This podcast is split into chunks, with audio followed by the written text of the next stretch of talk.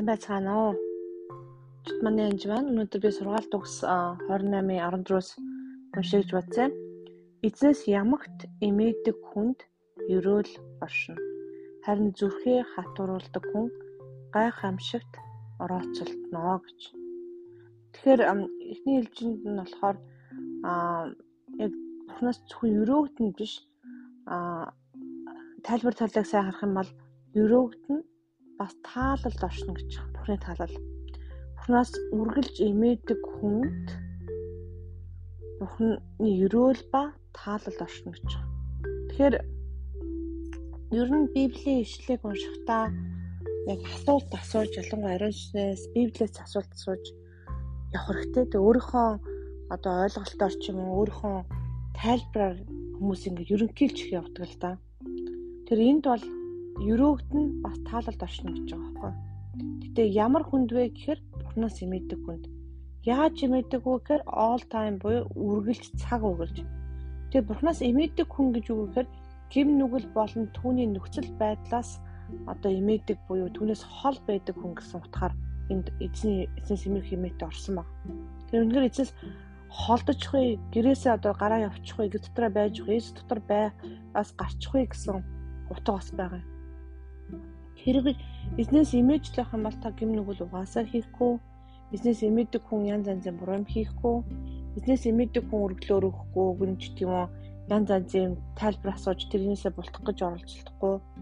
Бизнес имидэг хүн ховж ярихгүй. Бизнес имидэг хүн хулгай ярихгүй. Худлаа хэлэхгүй. Найс нөхдөө гомдоохгүй.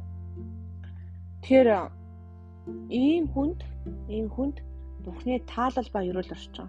Бурхны ерөөл оршин гэдэг чинь үгээр гадаач өргөдөн хөдөөч өргөдөн тэр үр хөвгт чинь ач цав чинь одоо тий ач хуч чинь бүгд өргөдөн мянган үедээ өргөдөн зөндөө олон зүйлүүд бас байгаа. Бурхны ерөөлөл Бурхны таалал дээр бол үнэхээр бас үнэхээр Бурхны таалал оршин гэдэг бол гайхамшигтай хүмүүсийн болон Бурхны таалал Бурхны таалал чиний дээр байх үед хүмүүсийн таалал ч гэсэн өөрөө чинь дээр байдаг байгаа.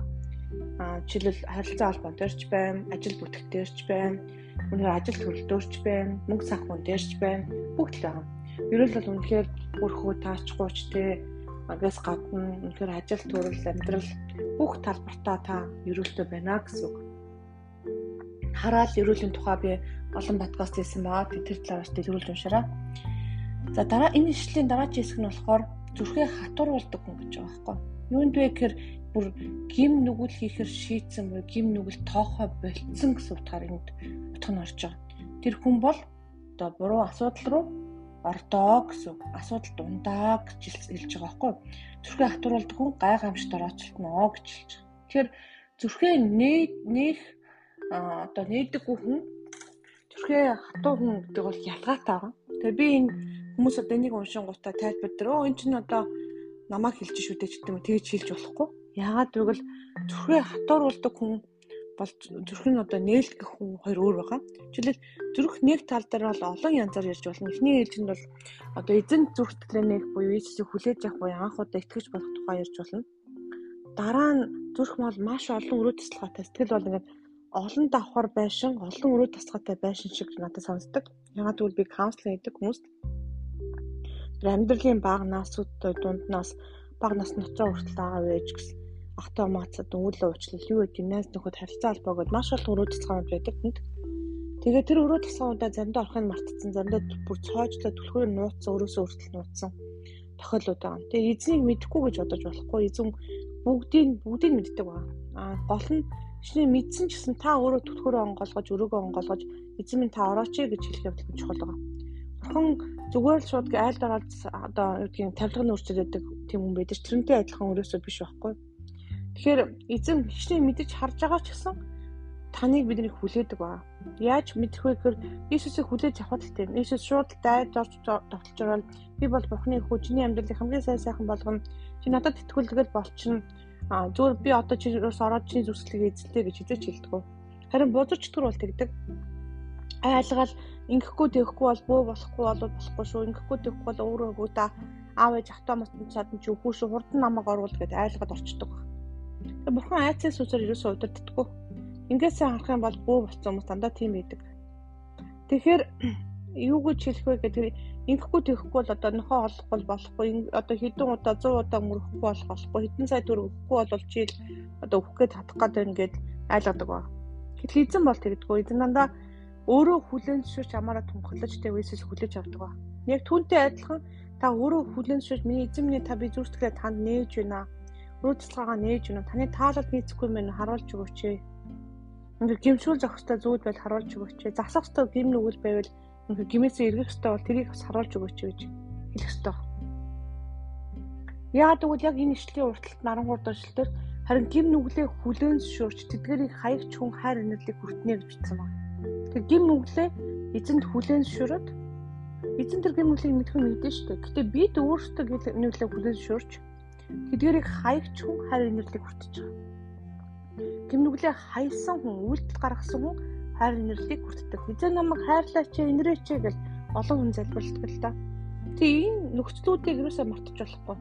Ямар хүнд өрөөл орчин гэхээр эзнээс ямар эмээдэг хүнд эзний өрөөл орж байгаа. Таал орж байгаа. Ямар хүнд эзний хайр инэрлийг хүртдэг вэ гэхээр гим нүглээ хүлэмжшөрөгд орхоо тэдгэрийг хаягч хүнд эзний яг хайр инэрлийг хүртэж байгаа. Тийм учраас Бурхан хайртай юу хайртай мэдээж хайртай шүү дээ. Есүс Үнэхээр таныг тэ мэдсэн мэдэг байхад өгсөн үү өгсөн цовдлогцсон цовдлогсон таны гинүглийн төлөө. Та ихтэй тэрийг мэдэхгүй хүлээж аваагүй гэж болно. А тэгэхээр энд байгаа хайр инэрлэл, эзний хайр инэрлэл, эзний таалал, эзний өрөөлийн асуудал бол итгэж хүмүүсийн тухай ярьж байгааг ерөөсөө мартаж болохгүй.